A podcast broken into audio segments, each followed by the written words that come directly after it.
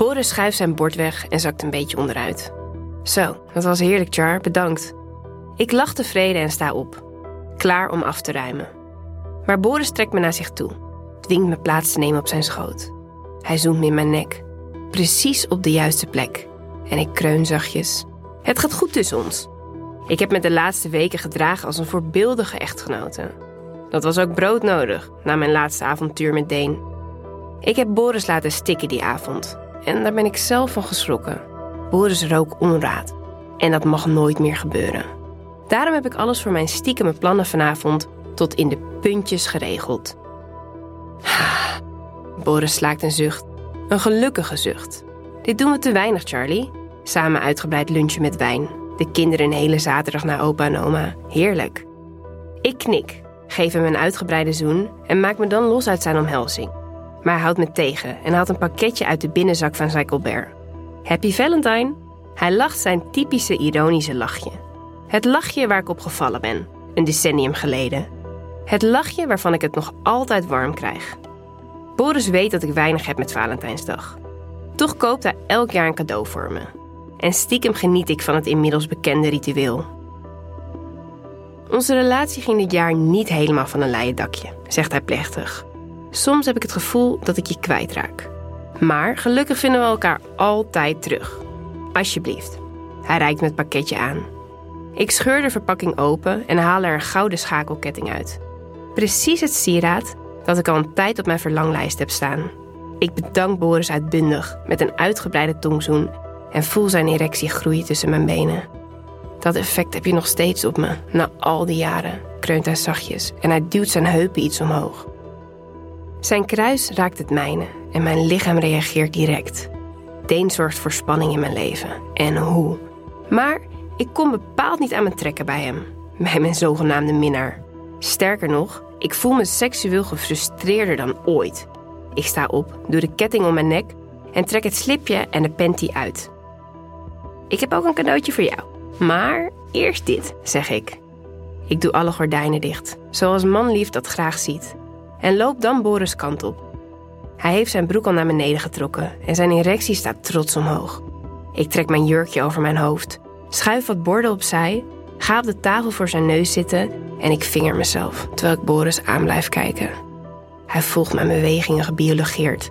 Minutenlang wendt hij zijn blik niet af. Dan knielt hij en zijn gezicht verdwijnt tussen mijn benen. Hij likt me, zoals alleen hij dat kan. Dan staat hij op en pakt mijn hand. Ga door, beveelt Boris. En terwijl ik mezelf vinger, glijdt hij bij me naar binnen. Seks op de keukentafel. In een vorig leven had ik dat een wilde uitspatting gevonden. Nu is het een leuk tussendoortje. Voorspel voor het echte werk. Dat vanavond hopelijk op het menu staat. Eindelijk. Ik denk aan Deen. Ik zie voor me hoe niet Boris, maar hij me neukt. Deens handen op mijn billen. Deens lippen op de mijne. En bijna direct volgt mijn orgasme. Draai je om, zegt Boris, als ik na een hoop lawaai weer stil ben. Ik kom van de tafel af en doe wat hij van me vraagt. Boris pakt me vast bij mijn heupen. Ditmaal bouwt mijn man het niet rustig op. Hij neemt me met krachtige stoten. En dan voel ik hem verkrampen. Zo, en jij maar denken dat we trio's en andere ongein nodig hebben voor spannende seks, zegt Boris trots als hij is uitgeheigd. Ik lach lief naar hem. Dan loop ik naar de keukenla, pak een envelop en overhandig hem die. Alsjeblieft, lieverd. Dit is een win-win situatie, herhaal ik in gedachten, in een poging van mijn schuldgevoel af te komen. Op, op, op vakantie? Nu meteen? vraagt Boris verbluft. Ik knik uitgelaten. Ja, jij verdient het om eens lekker weg te gaan met je vrienden. Verbouwereerd kijkt Boris me aan. Dan breekt er een lach door op zijn gezicht. En Daniel en Gijs, die weten hiervan? Ja, natuurlijk. Ik heb alles geregeld. Je wordt over een uur opgehaald. Stel je eens voor, drie hele dagen met je vrienden. Precies doen waarin jij zin hebt. Een uur later overlaat Boris mijn gezicht voor de laatste keer met kussen. Je bent een droomvrouw, zegt hij. Ik zwaai hem uit met een ongemakkelijk gevoel. Hij moest eens weten. Ik ben slecht. Intens slecht. Maar zodra de auto uit zicht is, valt alles van me af. Boris is gelukkig. Nu is het mijn beurt. Ik ren naar boven, gris mijn tas uit mijn kast en trek het latex setje aan dat ik vorige week kocht. Speciaal voor de Bloody Valentine's Party vanavond. Het besloten fetishfeest waarvoor Deen me uitnodigde. Ik heb hemel en aarde bewogen om daarbij te zijn. Op mijn hoge hakken loop ik naar het einde van de straat, waar Deen me oppikt. Ik kijk over mijn schouder, bang dat een van mijn buren me in de smiezen heeft. Gelukkig is het uitgestorven in de buurt. Op de afgesproken plek staat een zwarte Audi. Er stapt een man uit die ik nog nooit eerder heb gezien. Charlie? Als ik knik, opent hij de deur van de achterbank. Ik mijn adem in. Zal Deen daar zitten? Uh, nee, concludeer ik een seconde later. Ik zou inmiddels beter moeten weten. Deen doet nooit wat ik verwacht of hoop. Toch ben ik teleurgesteld. Ik snak naar een moment alleen met hem. Naar een gesprek. Deze man speelt hard to get op een ongekend niveau. Terwijl de auto over de snelweg sjeest, denk ik na over mijn strategie. Tot nu toe heb ik ja en amen gezegd. Maar vanavond hou ik de touwtjes in handen. Een affaire moet bevredigend zijn.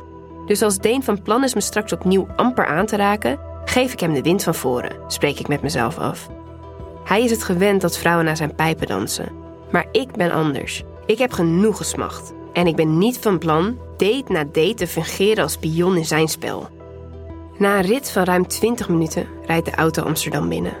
Verwonderd kijk ik uit het raam naar de stad waar ik een groot deel van mijn leven woonde.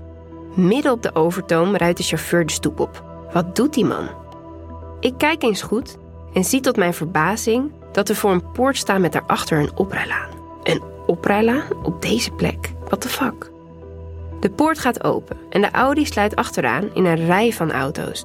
Ik open mijn raampje om het spektakel beter te kunnen zien. De ene wagen is nog chiquer dan de andere. Kom Boris dit maar zien, hij zou het geweldig vinden. De auto rijdt stapvoets naar een groot, statig landhuis. Villa Betty staat er in sierlijke letters in de stenen gekerfd. Daaronder hangen lichtgevende lampen met My Bloody Valentine. Aan beide kanten van de stenen trap naar de voordeur staan drie gitzwarte Friese paarden met gemaskerde ruiters. Pas als we dichterbij komen zie ik dat het leren paardenkoppen zijn die ze dragen. Een van de hengsten hinnikt. De man op zijn rug imiteert het geluid. Wat, uh, mompel ik nogmaals. Ik probeer de blik van de taxichauffeur te vangen. Maar de man is duidelijk een professional. Hij laat zich niet van zijn stuk brengen. Uh, sorry, mevrouw Charlie. Meneer De Bruin vroeg uh, of u, u uw jas achter zou willen laten voor u uitstapt. Ik knik. Snel trek ik mijn jas en trui uit. Dan werp ik een laatste blik in het spiegeltje dat altijd in mijn tasje zit. Net als ik klaar ben, wordt het portier opengetrokken. En daar staat hij. Deen. Ik pak zijn uitgestoken hand en lach zelfverzekerd.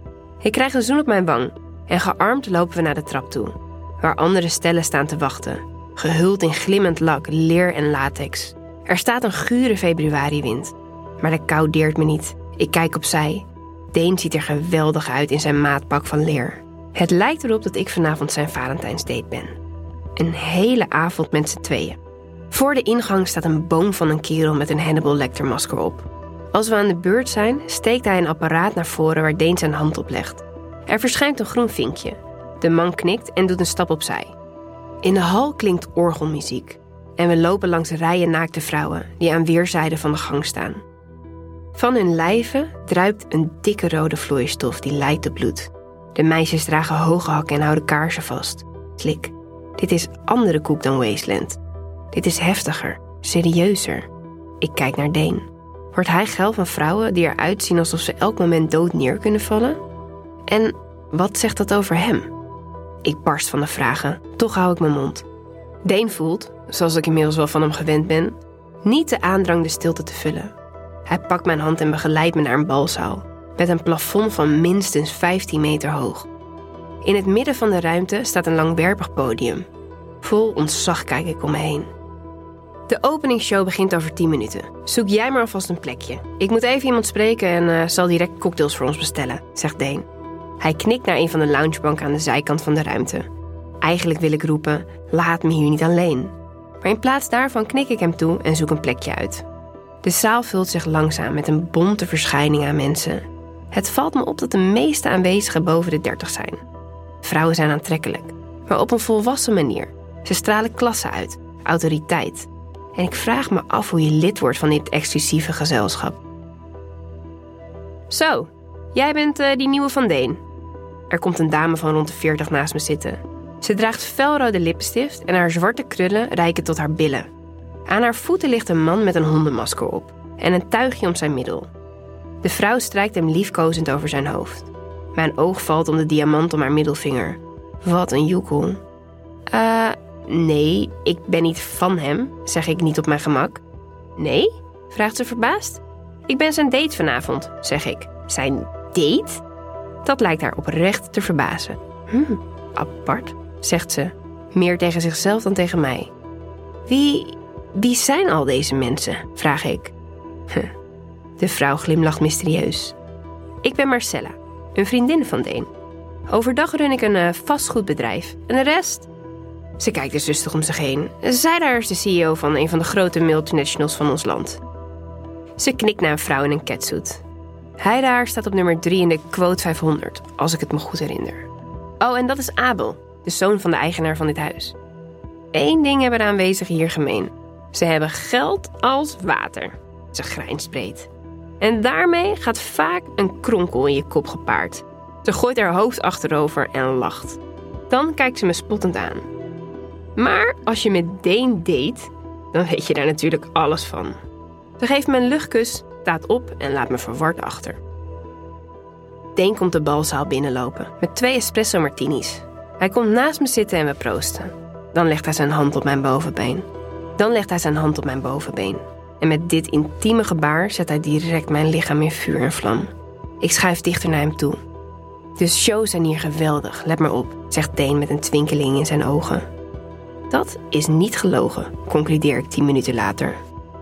Op het podium is de orgie der orgies losgebarsten. Overal waar ik kijk zie ik knappe mannen en vrouwen losgaan. En van het netbloed ontbreekt gelukkig elk spoor. Deen wijst naar een meisje dat een voorbinddildo omdoet. Op, zegt hij. Ze loopt naar een andere dame toe, trekt aan haar staart en dwingt haar ruw op handen en knieën te gaan zitten. Ze kijkt uitdagend naar het publiek dat haar bewegingen op de voet volgt. Dan spuugt ze op haar hand en wrijft het dildo in met het vocht. Ze slaat een paar keer met een neppenis op de blote billen van de vrouw. Dan duwt ze haar slipje opzij en laat twee vingers bij de vrouw naar binnen glijden. Ze steekt haar glinsterende hand in de lucht en likt eraan. Er knielt een man naast het tweetal neer. Terwijl de dame met de voorbeelddildo overgaat tot actie, neemt hij het vingerwerk voor zijn rekening. De vrouw op handen en knieën kreunt zo hard dat ze de muziek even overstemt. Dan zie ik Marcella opstaan. Ze ritst de onderkant van haar hotpants open en laat zich het podium optillen. Ze loopt op een man af die niet zou misstaan op een billboard van een Dolce Gabbana geurtje. Waar vinden ze deze mensen? vraag ik. Het zijn professionals, zegt Deen. De allerbeste ter wereld. De DNG-man tilt Marcella op en legt haar op een tafel. Een van zijn collega's zoent haar terwijl hij neerknielt met zijn hoofd tussen haar benen. Meer gasten staan op van de loungebanken en mengen zich in het feestgedruis. Dat is een bullwhip, legt Deen uit. Hij wijst naar een meisje dat een zweep vasthoudt van wel drie meter lang. De quote 500 man gaat zitten en laat zich slaan. Holy shit, mompel ik diep onder de indruk. Wat zich voor mijn ogen afspeelt fascineert me. Maar ik voel niet de behoefte mee te doen. Eigenlijk wil ik maar één ding. Deen. Ik sla mijn laatste slok achterover, zet mijn glas neer en kijk Deen aan. Kus me, zeg ik. Deen lacht. Ik deel hier de bevelen uit. Weet je nog? Als we op jou moeten wachten, dan ben ik bejaard voordat ik eindelijk weet hoe het voelt om met je te zoenen. Deen negeert mijn opmerking. Hij staart strak voor zich uit. Ik besluit nog een stap verder te gaan. Ik sta op en ga bij hem op schoot zitten. Hij laat me begaan. Ik draai heel langzaam rondjes met mijn heupen. Dan pak ik zijn gezicht vast met beide handen en druk mijn lippen op de zijne. Met een vloeiende beweging beland ik met mijn rug op de bank. Deens dreigende gezicht hangt boven het mijne. Met zijn ene hand houdt hij mijn polsen vast, boven mijn hoofd, zodat ik geen kant op kan. Jij wacht zolang ik wil dat je wacht. Ik voel zijn kruis door de leren broek heen tegen het mijne drukken. Hij stoot en ik voel zijn erectie. Ik bepaal, zegt hij. Mijn hulpeloosheid wint Deen op. Ik zie het in zijn ogen. Oh, ik kreun zachtjes. Dan kust hij me, zomaar ineens. Zijn tong is warm en zacht. Ik wil meer. Maar voor ik het weet is het moment over. Deen trekt me van de bank af en zegt: Jij mag twee mannen uitzoeken. Ik kijk en ik vertel je precies wat je mag doen en wat niet. Het is vreemd. Jarenlang heb ik erover gefantaseerd dat een man dit tegen me zou zeggen. Maar nu protesteert elke vezel in mijn lichaam. Ik heb helemaal geen zin met twee vreemde mannen. Ik wil Deen. Ik wil seks met hem. Nee, zeg ik vastbesloten. Deen kijkt me verbaasd aan. Nee? Je wilde toch proeven van onbekende werelden, Charlie? Zeker, maar Deen, ik kijk hem nu recht aan. Eerst wil ik jou. Ik zei toch dat ik niet van de vanille-seks was, zegt hij dan geïrriteerd. Ik zucht diep. Dit werkt niet. Onze behoeften liggen te ver uiteen. Op internet las ik dat echte meesters en meesteressen geen seks hebben met hun slaven. Blijkbaar ziet Deen me zo, als zijn slavin. Al beweerde hij eerder geen tijd te hebben voor nog zo'n relatie. Ik wil grenzen met je verleggen, leg ik uit. Maar dat kan alleen als ik je vertrouw, als ik je een beetje ken. Als je niet van plan bent seks met me te hebben, dan, ja, dan hoeft dit allemaal niet voor mij. Ik sta op, geef hem een kus en loop naar de uitgang. Ik moet grenzen stellen. Een mysterieuze man is opwindend. Maar van eindeloos hunkeren raak ik vooral tot op het bot gefrustreerd. Ik loop weg, zonder achterom te kijken, terwijl ik blijf hopen op Deens hand op mijn schouder. Maar als ik buiten kom, staat de zwarte Audi paraat. Blijkbaar heeft Deen de chauffeur een seintje gegeven. Met het lood in mijn schoenen loop ik het bordes af. Nou, dit was het dan. Ik heb mijn hand overspild. Tot zover de spannendste affaire die ik ooit zal hebben.